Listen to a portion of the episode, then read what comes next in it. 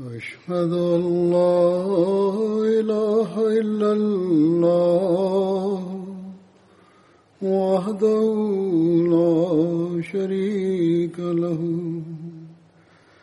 وأشهد أن محمدا عبده ورسوله. أما بعد فأعوذ بالله من الشيطان الرجيم. بسم الله الرحمن الرحيم. الحمد لله رب العالمين. الرحمن مالك يوم الدين. إياك نعبد وإياك نستعين. اهدنا الصراط المستقيم. صراط الذين أنعمت عليهم. غير المغضوب عليهم ولا الضالين Pada khutbah yang lalu telah disampaikan berkenaan dengan Hadrat Abdurrahman bin Auf radhiyallahu anhu. Namun masih ada bagian yang tersisa dan akan saya sampaikan selebihnya pada kesempatan ini. Hadrat Abdurrahman bin Auf memiliki jalinan persahabatan lama dengan Umayyah bin Khalaf. Berkenaan dengan itu selengkapnya diterangkan dalam Sahih Bukhari. Hadrat Abdurrahman bin Auf. Meriwayatkan, saya menulis surat kepada Umayyah bin Khalaf mengatakan, jagalah harta saya di Mekah, dan saya akan menjaga hartamu di Madinah. Saya menulis dalam surat tersebut nama Abdurrahman. Umayyah mengatakan, saya tidak mengenal Abdurrahman. Tulislah nama yang dikenal pada masa jahiliyah. Abdurrahman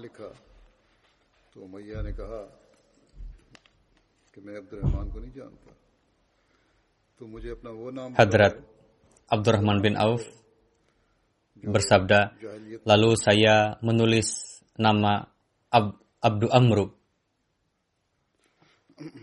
Ketika perang Badar dan saat itu orang-orang sudah tidur, saya pergi ke arah bukit untuk melindungi Umayyah. Lalu Hadrat Bilal dapat melihat keberadaan Umayyah saat itu. Lalu Hadrat Bilal pergi kepada Ansar dan berkata, saya melihat Umayyah bin Khalaf. Jika dia selamat dari tangan saya, maka saya yang tidak akan selamat. Lalu Hadrat Bilal, dan beberapa orangnya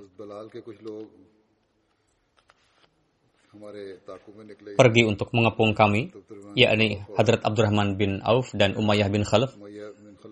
Hadrat Abdurrahman bin Auf berkata, saya khawatir jangan sampai mereka menemukan kami. Untuk itu, saya meninggalkan anaknya Umayyah di belakang guna bertempur dengan orang-orang Hadrat Bilal demi Umayyah. Lalu saya membawanya ke tempat yang aman. Namun, orang-orang Hadrat Bilal berhasil membunuh anaknya Umayyah. Mereka juga tidak membiarkan upaya saya berhasil dan dapat mengejar kami karena Umayyah berbadan besar, sehingga gerakannya tidak gesit. Akhirnya pasukan muslim menemukan kami, dan saya meminta Umayyah untuk duduk. Lalu ia duduk. Lalu saya tutupi badannya dengan badan, badan saya guna menyembunyikannya. Namun pasukan muslim menusukkan pedang-pedangnya ke bagian bawah saya dan membunuh Umayyah.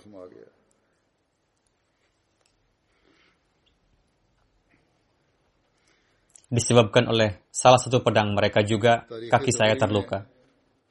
Dalam tarikh Tabari terdapat keterangan selengkapnya, yakni Hadrat Abdurrahman bin Auf meriwayatkan, Umayyah bin Khalf adalah kawan saya ketika di Mekah. Saat itu nama saya Abdul Amru. Setelah masuk Islam, nama saya diganti menjadi Abdurrahman. Setelah itu, kapan saja berjumpa dengan Umayyah. Ia berkata, Wahai Abdul Amru, apakah kamu menolak nama yang diberikan oleh leluhurmu? Saya jawab, ya. Lalu Umayyah berkata, namun saya tidak mengenal nama itu, yakni Abdurrahman. Lebih baik kamu sebutkan lagi nama yang lain selain itu yang akan saya gunakan untuk memanggilmu. Karena jika aku memanggilmu menggunakan nama lamamu, kamu tidak meresponnya dan aku tidak akan menyebutkan nama yang aku sendiri tidak mengenalnya. Hadrat Abdurrahman bin Auf berkata, jika Umayyah memanggil saya dengan Abdu Amru, maka saya tidak meresponnya. Saya katakan pada Umayyah, wahai Abu Ali, mengenai itu apa pun yang kamu sukai, silahkan ucapkan. Namun aku tidak akan merespon jika dipanggil dengan nama lamaku. Umayyah berkata, kalau begitu nama Abdullah akan lebih baik bagimu. Saya katakan, baiklah. Kemudian setelah itu, ketika bertemu, ia memanggil saya dengan sebutan Abdullah. Dan saya meresponnya dan berbicara dengannya sampai tiba hari Perang Badar. Saat itu saya lewat di dekat Umayyah yang sedang berdiri memegang tangan anaknya, Ali bin Umayyah. Saat itu saya membawa banyak baju perang yang telah saya dapatkan, Umayyah memanggil saya, Wahai Abdul Amru, saya tidak meresponnya. Lalu ia memanggil, Wahai Abdulillah. Lalu saya jawab, ya, ada apa? Umayyah berkata, tidakkah aku lebih baik bagimu daripada baju perang yang kamu bawa itu? Saya katakan, jika demikian, kemarilah. Lalu saya buang baju-baju besinya di sana, yakni untuk melindunginya dan memegang tangan anaknya Ali. Umayyah berkata, saya tidak pernah merasakan hari seperti hari ini.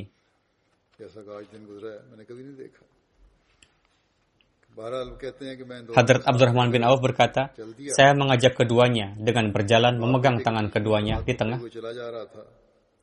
Umayyah bertanya, Wahai Abdullah, siapakah di antara kalian yang memasang sayap burung unta di dadanya sebagai tanda? Saya jawab, orang itu adalah Hamzah bin Abdul Muttalib. Umayyah berkata, dialah yang menyebabkan kondisi buruk yang kami alami sekarang ini.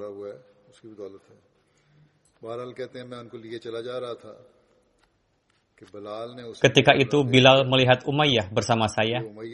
Umayyah adalah orang yang selalu menyiksa Hadrat Bilal ketika di Makkah supaya Bilal meninggalkan Islam.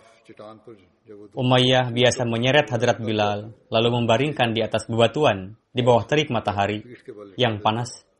Kemudian ia memerintahkan orang-orang untuk meletakkan batu besar di atas dadanya dan berkata kepada Hadrat Bilal, Sebelum kamu meninggalkan agama Muhammad, kamu akan terus mendapatkan hukuman ini. Namun meskipun demikian, Hadrat Bila tetap mengatakan ahad, ahad, yakni Tuhan adalah Esa. Untuk itu, ketika pandangan Hadrat Bilal tertuju kepada Umayyah, Hadrat Bilal berkata, Umayyah bin Khalaf adalah pemimpin kaum kufar. Jika dia selamat dariku, maka aku tidak akan selamat. Hadrat Abdurrahman bin Auf berkata, Wahai Bilal, mereka berdua adalah tawananku. Bilal berkata lagi, jika dia selamat dariku, maka aku tidak akan selamat. Hadrat Abdurrahman berkata, Wahai Ibnu Sauda, kamu dengarkan? Bilal mengatakan lagi, jika dia selamat dariku, maka aku tidak akan selamat. Lalu Hadrat Bilal berkata dengan suara keras, Wahai Ansarullah, Umayyah bin Khalaf adalah pemimpin kaum kufar. Jika dia selamat dariku, maka aku tidak akan selamat. Setelah mendengar ucapan Bilal tersebut, orang-orang mengepung kami dari berbagai arah. Saya menyelamatkan Umayyah, namun ada seseorang yang menyerang anaknya Umayyah sampai jatuh. Saat itu Umayyah berteriak kencang, yang mana belum pernah saya dengar jeritan seperti itu sebelumnya. Saya katakan kepada Umayyah, berlarilah kamu. Namun ia tidak bisa berlari. Demi Allah, aku tidak berguna lagi untukmu. Setelah itu, orang-orang mulai menebaskan pedangnya kepada keduanya sehingga keduanya mati.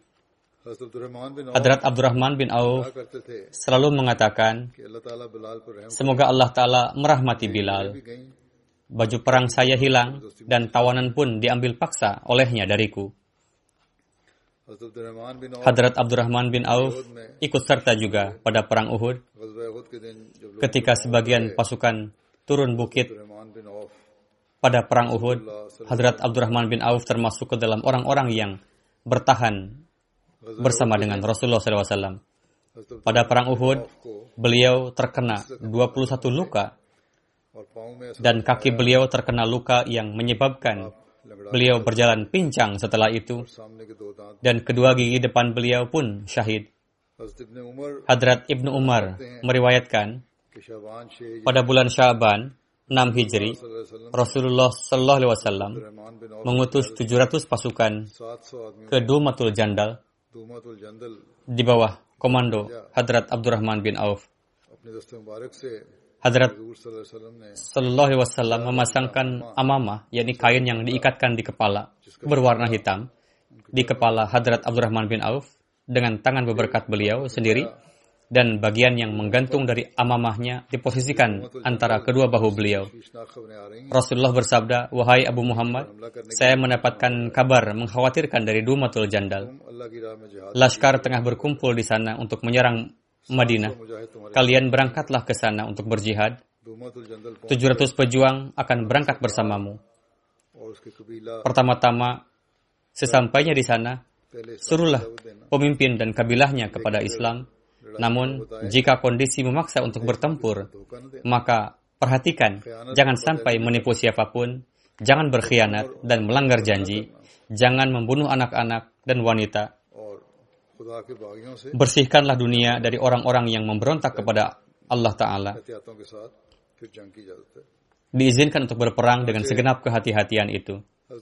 Sesampainya di rumah, Hadrat Abdurrahman bin Auf menyeru mereka kepada Islam sampai tiga hari, namun mereka terus menolak. Lalu Asbag bin Amru, Kalbi, seorang Kristen dan pemimpin mereka, bayat menerima Islam. Hadrat Abdurrahman bin Auf mengabarkan hal tersebut kepada Rasulullah SAW. Rasul bersabda, nikahilah putri pemimpin tersebut bernama Tamazur. Di kemudian hari, wanita itu disebut dengan Ummu Abu Salma.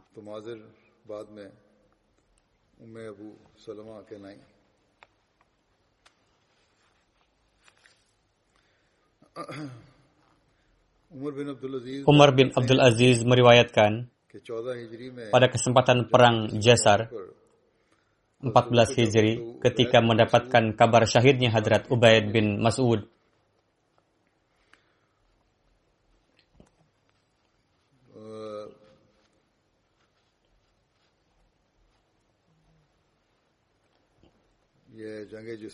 Berkenaan dengan perang Jisar ini telah disampaikan sebelumnya yang dihancurkan oleh seekor gajah pasukan Farsi. Alhasil, ketika mendapatkan kabar dan diketahui bahwa penduduk Faris mencari orang dari penduduk Kisra dan dijadikan sebagai rajanya, Lalu Hadrat Umar menyuruh muhajirin dan ansar untuk berjihad, lalu berangkat dari Madinah dan tinggal di Sirar. Sirar merupakan nama sebuah gunung di Madinah, berjarak tiga mil dari Madinah ke arah Irak.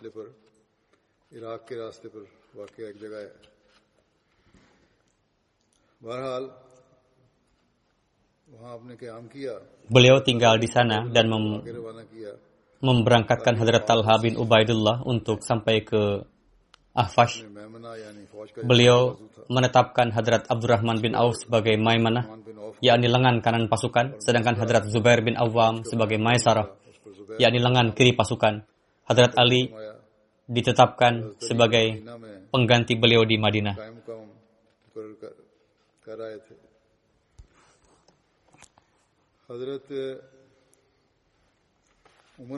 Hadrat Umar meminta musyawarah dari orang-orang dan kesemuanya menyarankan kepada beliau untuk berangkat ke Faris. Ketika kafilah berangkat sampai di Sirar, Hadrat Umar tidak meminta musyawarah dari siapa pun. Sesampainya di sana, beliau meminta musyawarah. Hadrat Talha kembali dan beliau pun memiliki pendapat yang sama dengan mereka, yakni hendaknya melanjutkan perjalanan. Namun Hadrat Abdurrahman bin Auf termasuk di antara orang yang meminta beliau tidak pergi. Jenih Hadrat Umar. Beliau menjelaskan alasan kenapa menghentikan beliau pergi, berkata, Sebelum ini saya tidak pernah mengorbankan ayah dan ibu saya kepada siapa pun selain kepada Rasulullah. Di mana yang akan datang pun saya tidak akan melakukannya. Namun pada hari ini saya katakan, Wahai orang yang ayah dan ibuku rela berkorban atasnya, Anda serahkan saja kepada saya untuk keputusan terakhir dari masalah ini. Demikianlah jawaban beliau kepada Hadrat Umar yang merupakan khalifah pada masa itu. Beliau melanjutkan, mohon huzur berhenti di Sirar dan kirimkanlah pasukan yang banyak. Dari sejak awal sampai sekarang, Anda telah melihat berkenaan dengan laskar Anda bagaimana keputusan Allah Ta'ala selama ini. Jika pasukan Tuhan kalah, maka kekalahannya tidaklah seperti kekalahan Tuhan. Jika Anda terbunuh di awal atau kalah, saya khawatir umat Muslim tidak akan dapat mengucapkan takbir lagi tidak juga memberikan kesaksian la ilaha illallah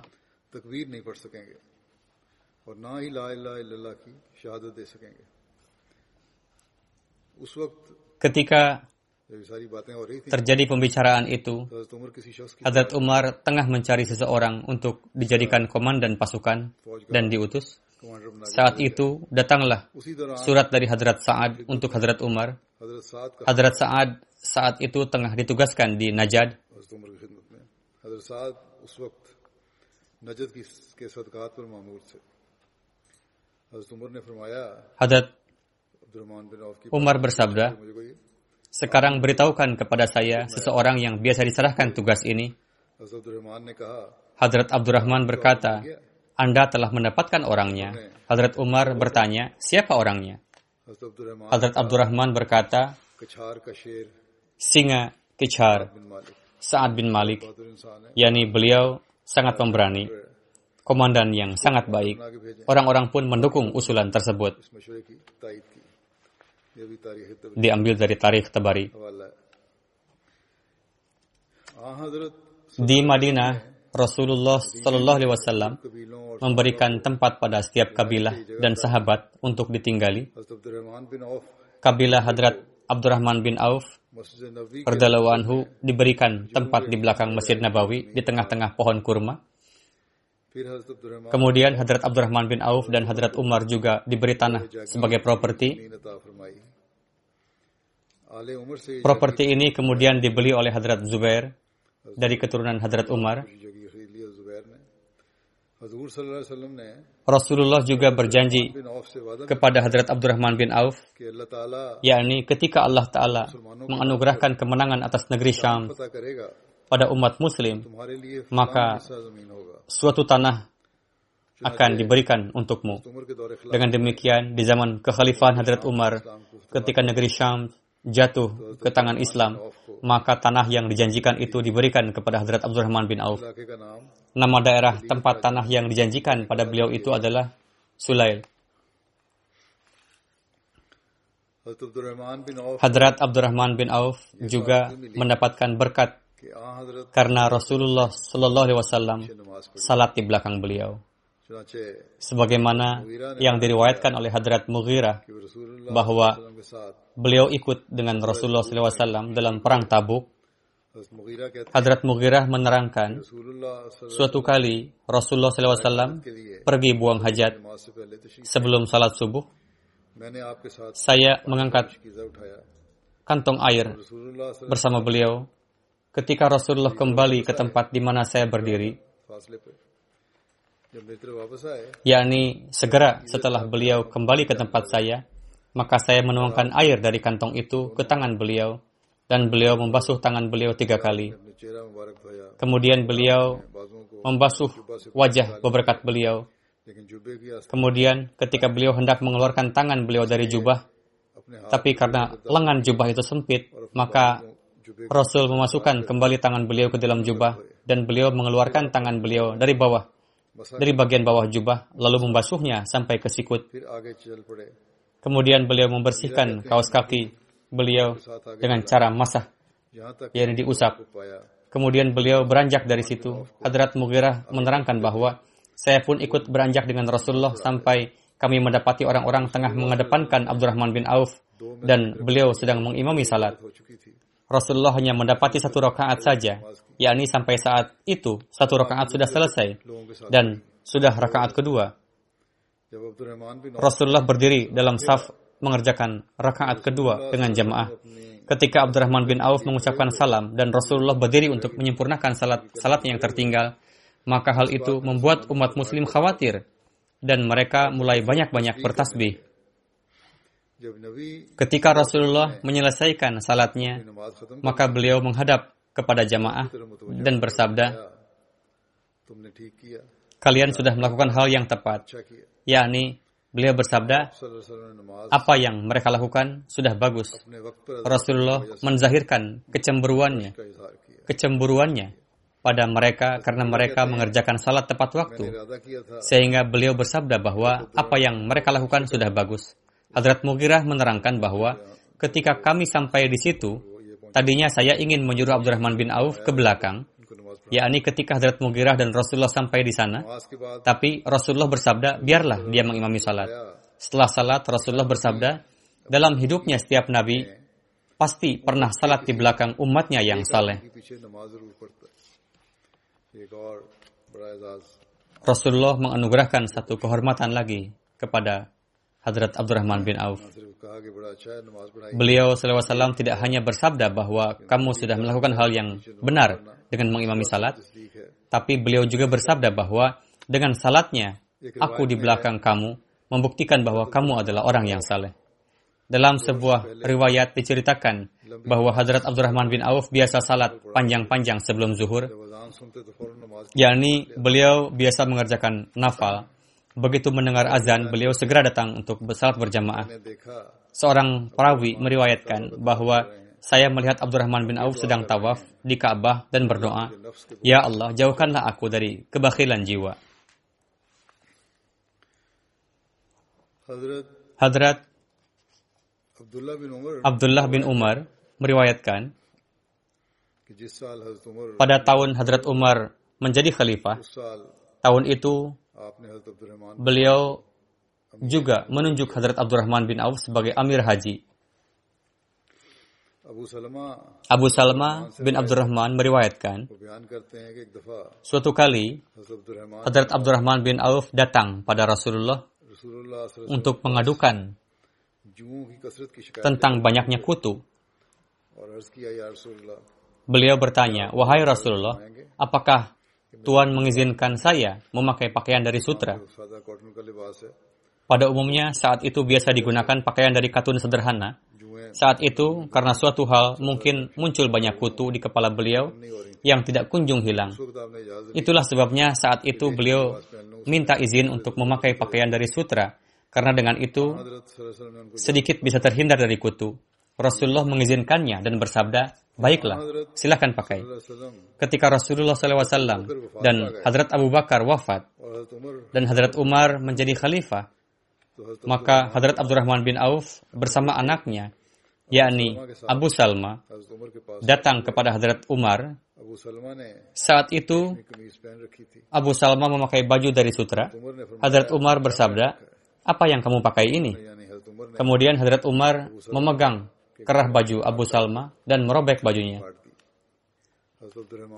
Hadrat Abdurrahman bin Auf berkata pada Hadrat Umar, apakah Tuhan tidak tahu bahwa Rasulullah telah mengizinkan saya untuk memakai pakaian dari sutra? Maka Hazrat Umar bersabda, Rasulullah mengizinkan Anda karena Anda menyampaikan pada beliau tentang kutu. Izin ini tidak untuk siapa pun selain Anda. Sa'ad bin Ibrahim meriwayatkan, Hadrat Abdurrahman bin Auf biasa memakai sebuah selendang Abdul Rahman बिन औफ एक चादर पहना करते थे या किसी वक्त एक चादर पहनी हुई थी जिसकी कीमत atau kain, atau suatu kali beliau memakai sebuah selendang seharga 400 atau 500 dirham, भी पहनते थे yakni keadaan beliau sedemikian rupa, sehingga beliau juga memakai pakaian yang mahal. नहीं देखें अल्लाह ताला के फजल जो हिजरत की कुछ Lihatlah karunia Allah Ta'ala pada beliau. Ketika hijrah beliau tidak punya apa-apa. Tapi setelah itu beliau memakai pakaian yang paling mahal dan menghasilkan harta yang tak terhitung jumlahnya. Di saat masa-masa akhir hidup Hazrat Abu Bakar, Hazrat Abu Bakar menetapkan Hazrat Umar sebagai khalifah setelah beliau. Ketika beliau hendak mewasiatkan itu, maka beliau memanggil Hazrat Abdurrahman bin Auf. Beliau, yakni Hazrat Abu Bakar, bertanya kepada Hazrat Abdurrahman bin Auf, bagaimana pendapatmu tentang Umar? Hazrat Abdurrahman bin Auf berkata, Wahai Khalifah Rasul, sesuai dengan penilaian engkau, beliau lebih mulia daripada yang lain, tapi sifatnya sedikit agak keras. Hadrat Abu Bakar bersabda, sifat keras ini muncul karena dia melihat kelembutanku. Aku sangat lembut. Itulah sebabnya dia keras. Supaya terdapat keseimbangan. Kemudian Hadrat Abu Bakar bersabda, Ketika segala urusan berada di pundaknya, maka dia akan meninggalkan kebanyakan sifat kerasnya. Kamu tidak akan melihat lagi sifat kerasnya. Kemudian beliau bersabda, Wahai Abu Muhammad, aku benar-benar telah mengamatinya bahwa ketika aku marah dalam sebuah urusan, yakni Rat Abu Bakar bersabda bahwa ketika aku marah karena suatu hal, maka Umar memberikan masukan kepadaku untuk tidak marah. Yakni saat itu masukan Hadrat Umar bersifat lembut. Kemudian ketika aku bersifat lembut atau sesuatu, maka dia memberikan masukan padaku untuk bersikap keras. Kemudian Hadrat Abu Bakar bersabda, Wahai Abu Muhammad, apa pun yang aku katakan padamu ini, jangan kamu sampaikan pada siapa pun. Hadrat Abdurrahman bin Auf berkata, Baik. Setelah Fatah Mekah, ketika Rasulullah SAW mengirim delegasi-delegasi ke berbagai penjuru.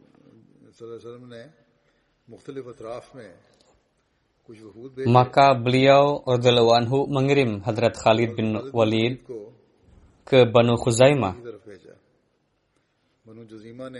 Banu Jazimah. Di zaman jahiliyah, Banu Zazimah membunuh ayahanda Hadrat Abdurrahman bin Auf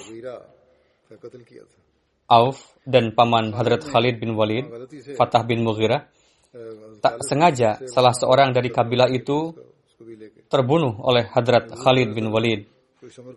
Ketika Rasulullah mengetahui hal tersebut, maka Rasul menzahirkan ketidaksukaannya.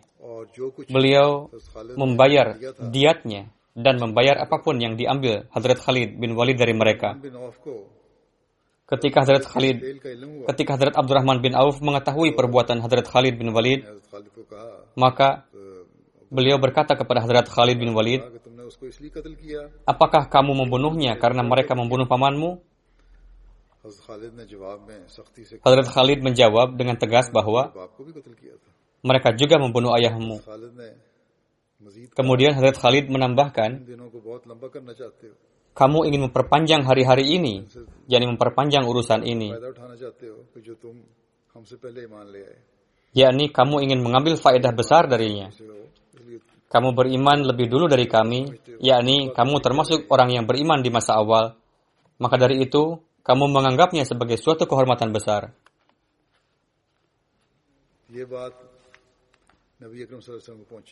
Sehingga kamu berkata seperti itu padaku. Hal ini sampai kepada Rasulullah karena Hadrat Khalid sedikit menunjukkan rasa marah.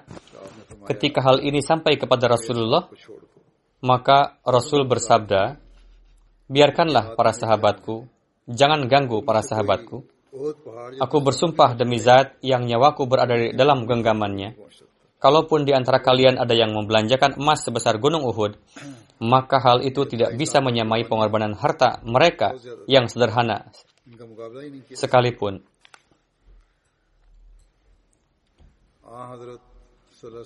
Jadi makom mereka begitu luhur.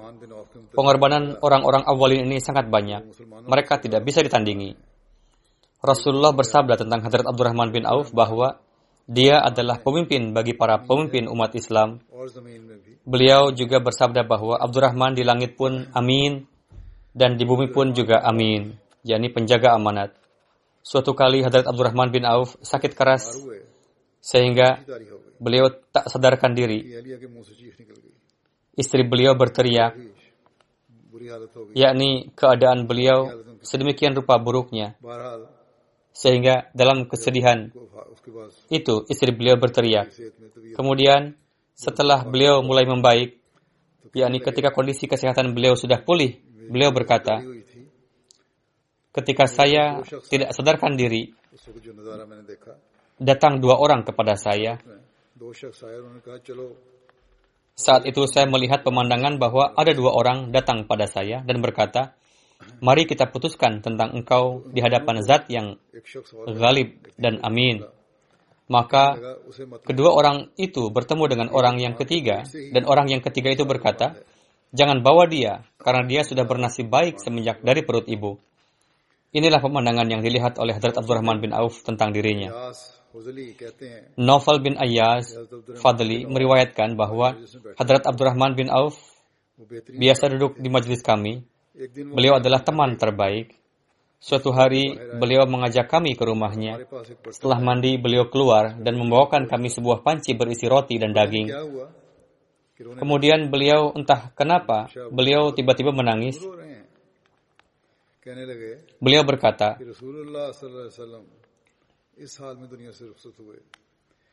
kami bertanya, wahai Abu Muhammad, kenapa Anda menangis? Beliau berkata, Rasulullah meninggalkan dunia ini dalam keadaan di mana beliau dan keluarga beliau tidak bisa makan roti dari biji jelai dengan kenyang. Ja, yakni roti pun tidak diperoleh dengan cukup. Kemudian beliau bersabda, saya tidak berpikir bahwa apa yang kita dapatkan di akhir kemudian, jadi di kemudian hari adalah lebih baik untuk kita, yakni kesempatan yang kita dapatkan untuk hidup sekian lama apakah lebih baik untuk kita atau justru cobaan atau ujian? Inilah ikatan emosional para sahabat, yakni ini adalah penzahiran rasa takut para pada Allah Ta'ala serta perasaan mereka untuk Rasulullah SAW dan ahli bait. Gejolak kecintaan ini tidak hanya terbatas kepada Rasulullah dan ahli bait beliau saja, bahkan hal itu zahir juga di antara sesama para sahabat. Suatu ketika Hadrat Abdurrahman bin Auf dibawakan makanan untuk buka puasa dan beragam makanan terhidang. Ketika beliau mengangkat satu suapan dan akan memasukkannya ke dalam mulut, Hadrat Abdurrahman bin Auf menangis.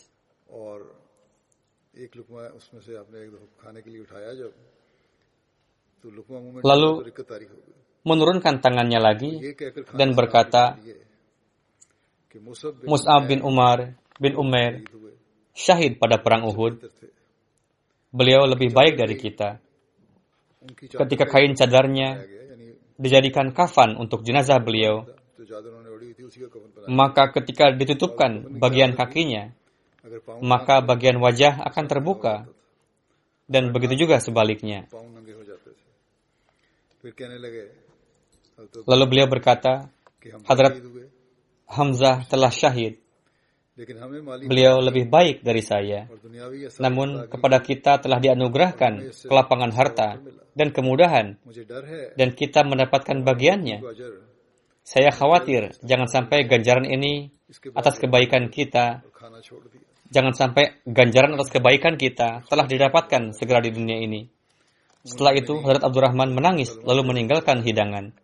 Seperti itulah rasa takut dan kekhawatiran mereka kepada Allah Ta'ala.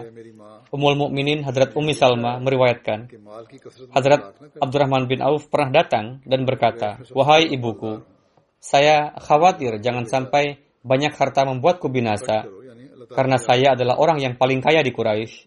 Hadrat Umi Salma menjawab, Nak, belanjakanlah hartamu, yakni membelanjakan di jalan Allah Ta'ala. Dengan demikian, tidak akan binasa. Karena saya pernah mendengar Rasulullah telah bersabda, ada beberapa sahabatku yang tidak dapat melihatku lagi setelah berpisah dengan mereka. Yakni, sebagian orang tidak akan sampai pada makom itu. Ketika di jalan untuk pulang, Hadrat Abdurrahman bin Auf berjumpa dengan Hadrat Umar di jalan. Lalu beliau menceritakan hal tadi kepada Hadrat Umar Lalu Hadrat Umar ber sendiri berangkat menemui Hadrat Ummi Salma dan berkata, Saya bertanya kepada Anda dengan bersumpah atas nama Allah, mohon Anda jawab, apakah saya termasuk di antara orang yang disebutkan tadi? Hadrat Ummi Salma bersabda, Tidak, Anda tidak termasuk di antara orang yang dimaksud itu. Namun setelah Anda, saya tidak dapat mengatakan apa-apa mengenai seseorang, apakah mereka akan dapat berjumpa dengan Rasulullah nantinya ataukah tidak?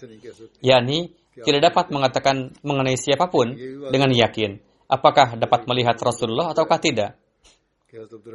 Namun perlu diketahui seperti yang sudah dijelaskan sebelumnya bahwa Hadrat Abdurrahman bin Auf termasuk ke dalam golongan asyrah Mubasyarah, yakni telah dikabar sukakan surga oleh Rasulullah. Namun meskipun demikian, sedemikian besarnya rasa takut yang terdapat dalam hati mereka kepada Allah Ta'ala, sehingga setiap saat selalu khawatir. Dan setelah mendengar kabar tersebut dari Hadrat Ummi Salma, beliau langsung bersedekah dan khairat. Dalam satu riwayat, Hadrat Abdullah bin Abbas meriwayatkan, ketika Khalifah Umar bin Khattab pergi menuju Syam dan sampai di Sarag. Sarag adalah nama sebuah desa di Lembah Tabuk, dekat perbatasan Hijaz, yang berjarak 13 malam perjalanan dengan menggunakan kendaraan pada masa itu. Saat itu beliau saat itu beliau berjumpa dengan komandan tentara yang bernama Hadrat Abu Ubaidah bin Jarrah dan kawan-kawannya.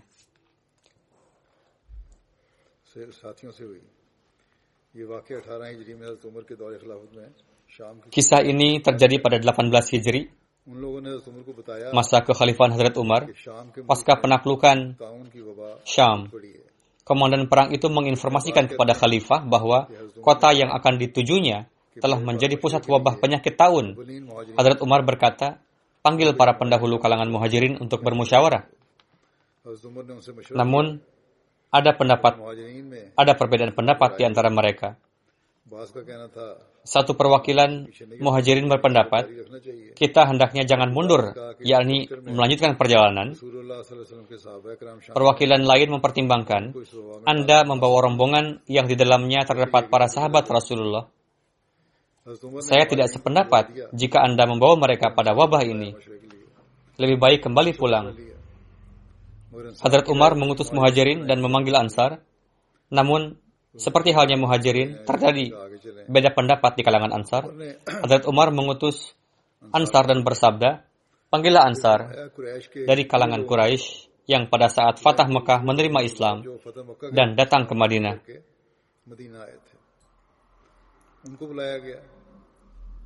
Mereka memberikan musyawarah dengan suara bulat bahwa Hendaknya rombongan kembali pulang, karena di tempat tujuan wabah tengah menjangkit. Lalu Hadrat Umar setuju dan mengumumkan untuk kembali pulang.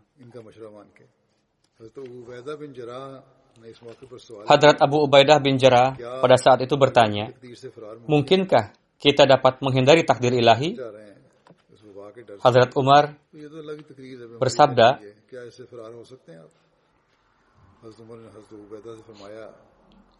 Wahai Abu Ubaidah, seandainya yang mengatakan ini orang selain kamu, memang kita akan menghindar dari takdir ilahi menuju takdir ilahi yang lainnya. Jika kamu memiliki unta dan kamu membawa unta tersebut ke sebuah lembah yang di dalamnya terdapat dua bagian, bagian pertama adalah area yang hijau dengan rerumputan, sedangkan bagian yang kedua gersang. Itu pun takdir ilahi. Alhasil, takdir ilahi memberikan dua pilihan padamu. Pertama, area tempat makan ternak, dan yang kedua, area yang sama sekali gersang. Coba jawab. Area yang subur karena takdir ilahi, dan area yang gersang pun karena takdir ilahi yang lain. Keduanya adalah takdir ilahi. Silahkan kamu putuskan pilihan mana yang lebih baik yang akan kamu ambil.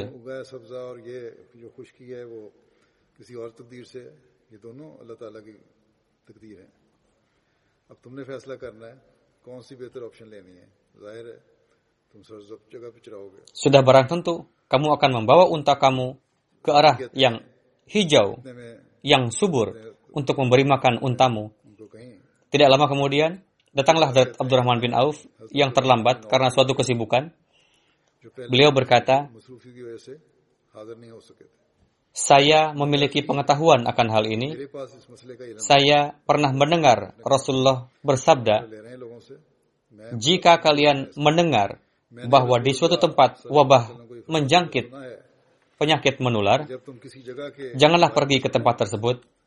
कि वहाँ कोई वबा फूट पड़ी है Sementara jika kalian berada di daerah yang terjangkit wabah penyakit menular, पर फूट पड़े maka janganlah meninggalkan tempat tersebut तो वहाँ से फरार होते हुए बाहर supaya penyakit tersebut tidak menular ke orang lain. पड़ गए वहाँ जाना नहीं और जिस इलाके में रहते हो और वहाँ वबा है फिर वहाँ से बाहर ना निकलो और उस अपने आप को वहीं रखो ताकि वो मर्ज या वो बा जो है वो बाहर दूसरे लोगों में न फैले Sebagaimana saat ini dunia tengah menerapkan lockdown, telah membatasi penyebaran virus sampai batas tertentu. Namun bagi daerah yang tidak menghiraukan hal itu, memberikan ruang gerak bagi virus untuk menyebar. Dalam hal ini, Rasulullah telah memberitahukan prinsip dasar dalam menghadapi kejadian serupa kepada para sahabat. Lalu Hadrat Umar memanfaatkan, memanjatkan puji sanjung ke Hadrat Allah Ta'ala dan kembali pulang. Hadrat Miswar bin Makhramah meriwayatkan ketika Hadrat Umar bin Khattab dalam keadaan baik disampaikan permohonan kepada beliau untuk menetapkan seseorang sebagai khalifah, namun beliau selalu menolaknya. Suatu hari beliau berdiri di mimbar dan menyampaikan beberapa patah kata bersabda, jika aku mati nanti, maka urusan kalian akan diserahkan kepada enam orang yang mana mereka telah ditinggalkan oleh Rasulullah dalam keadaan ridho kepada mereka, yakni Hadrat Ali bin Abi Talib dan Nazir beliau, Hadrat Zubair bin Awam dan Nazir beliau, Hadrat Abdurrahman bin Auf dan Nazirnya, Hadrat Utsman bin Affan dan nazirnya, Hadrat Talha bin Ubaidullah dan nazirnya, dan Hadrat Sa'ad bin Malik. Camkan, aku perintahkan kalian untuk menempuh takwa kepada Allah ketika memutuskan dan adil dalam membagi. Abu Ja'far meriwayatkan, Hadrat Umar bin Khattab mengatakan kepada anggota syuro, Bermusyawarahlah dalam urusan kalian jika perolehan suara dua dan dua, maka musyawarahlah lagi. Jika perolehan suara empat dan dua, maka pilihlah yang suara terbanyak. Zaid bin Aslam meriwayatkan dari ayahnya. Hadrat Umar bersabda, jika perolehan suara tiga dan tiga, maka dengarkan pihak yang di dalamnya terdapat Abdurrahman bin Auf dan taatlah padanya. Abdurrahman bin Sa'id meriwayatkan, Ketika Hadrat Abdurrahman bin Auf terluka, beliau bersabda, Suhaib akan memimpin salat di antara kalian. Yani Hadrat Suhaib ditetapkan sebagai imam salat. Beliau mengatakan hal itu tiga kali. Bermusyawarahlah dalam urusan kalian dan urusan tersebut diserahkan kepada enam orang tersebut. Jika ada orang yang menentang keputusannya, maka tebaslah lehernya. Jika dilakukan pemilihan khalifah nanti, serahkanlah kepada keenam orang tersebut. Selama belum terpilih khalifah, Hadrat Suhaib yang akan bertindak sebagai imam salat. Hadrat Anas bin Malik meriwayatkan, beberapa saat sebelum kewafatannya, Hadrat Umar mengirimkan pesan kepada Hadrat Abu Talha bersabda, Abu Talha, bawalah 50 orang dari antara kaum Ansar kepada enam orang anggota syura tadi. Jangan tinggalkan mereka sampai tiga hari.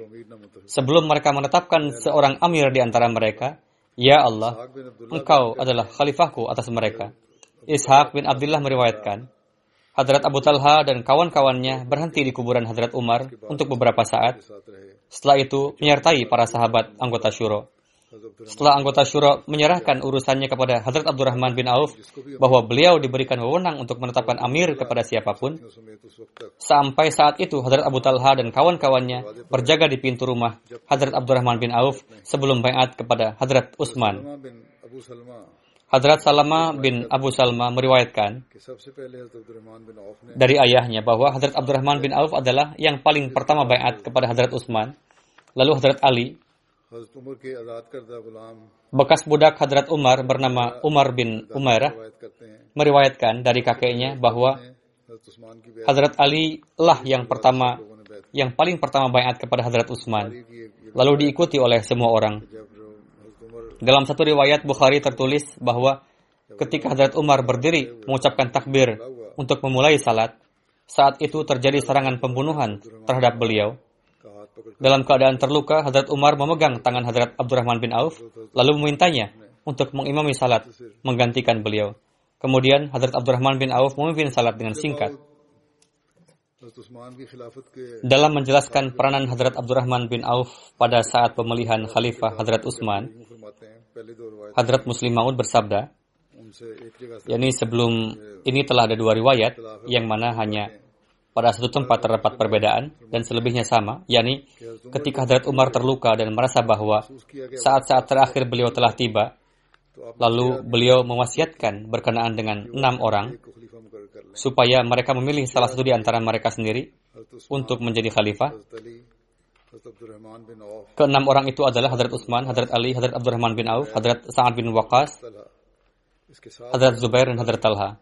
Seiring dengan itu, Hadrat Umar pun memerintahkan supaya Hadrat Abdullah bin Umar dimasukkan ke dalam komite tersebut, namun meminta supaya Hadrat Abdullah tidak dicalonkan. Beliau mewasiatkan supaya komite tersebut memutuskan dalam tiga hari, dan untuk tiga hari tersebut beliau menetapkan Suhaib sebagai imam salat.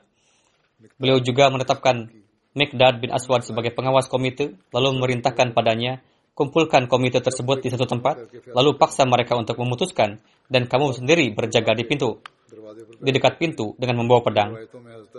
Pada riwayat terdahulu, tengah dijelaskan mengenai Hadrat Talha, namun kesimpulan yang beliau ambil dari berbagai rujukan diserahkan kepada Mikdad bin Aswad untuk berjaga selama pemilihan khilafat dan bersabda,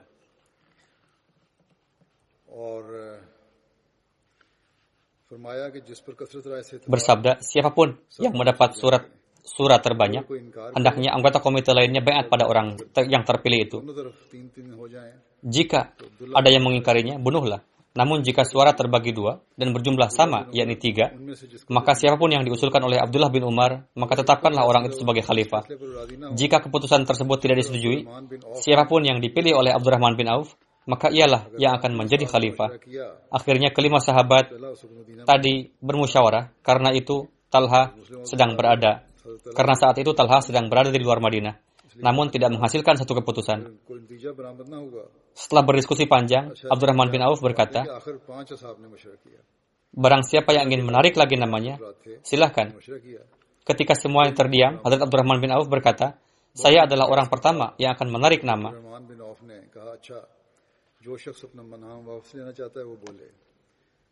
Lalu diikuti Hadrat Utsman Lalu dua sahabat lainnya, Hadrat Ali terdiam. Akhirnya mereka mengambil janji dari Hadrat Abdurrahman bin Auf bahwa beliau tidak akan berat sebelah dalam memutuskan nanti.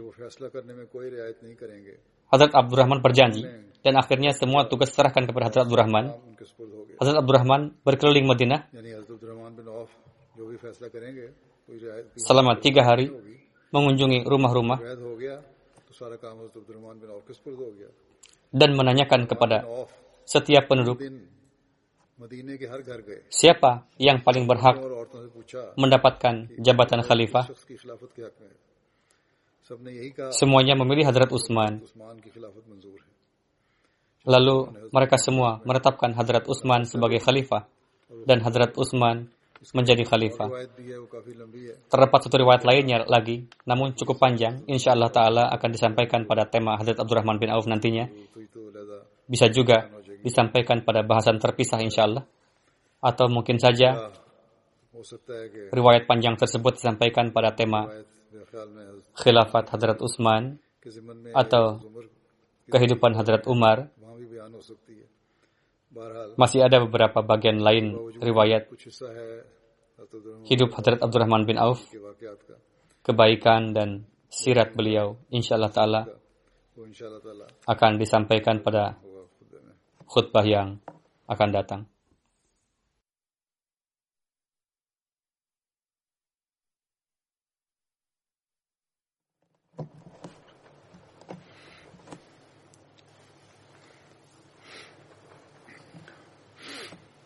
الحمد لله الحمد لله نحمده ونستعينه ونستغفره ونؤمن به ونتوكل عليه.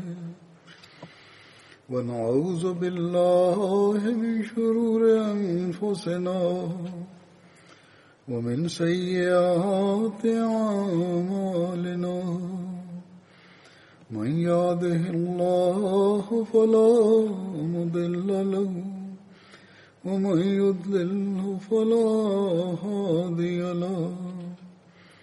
ونشهد أن لا إله إلا الله ونشهد أن محمدا عبده ورسوله. عباد الله رحمكم الله.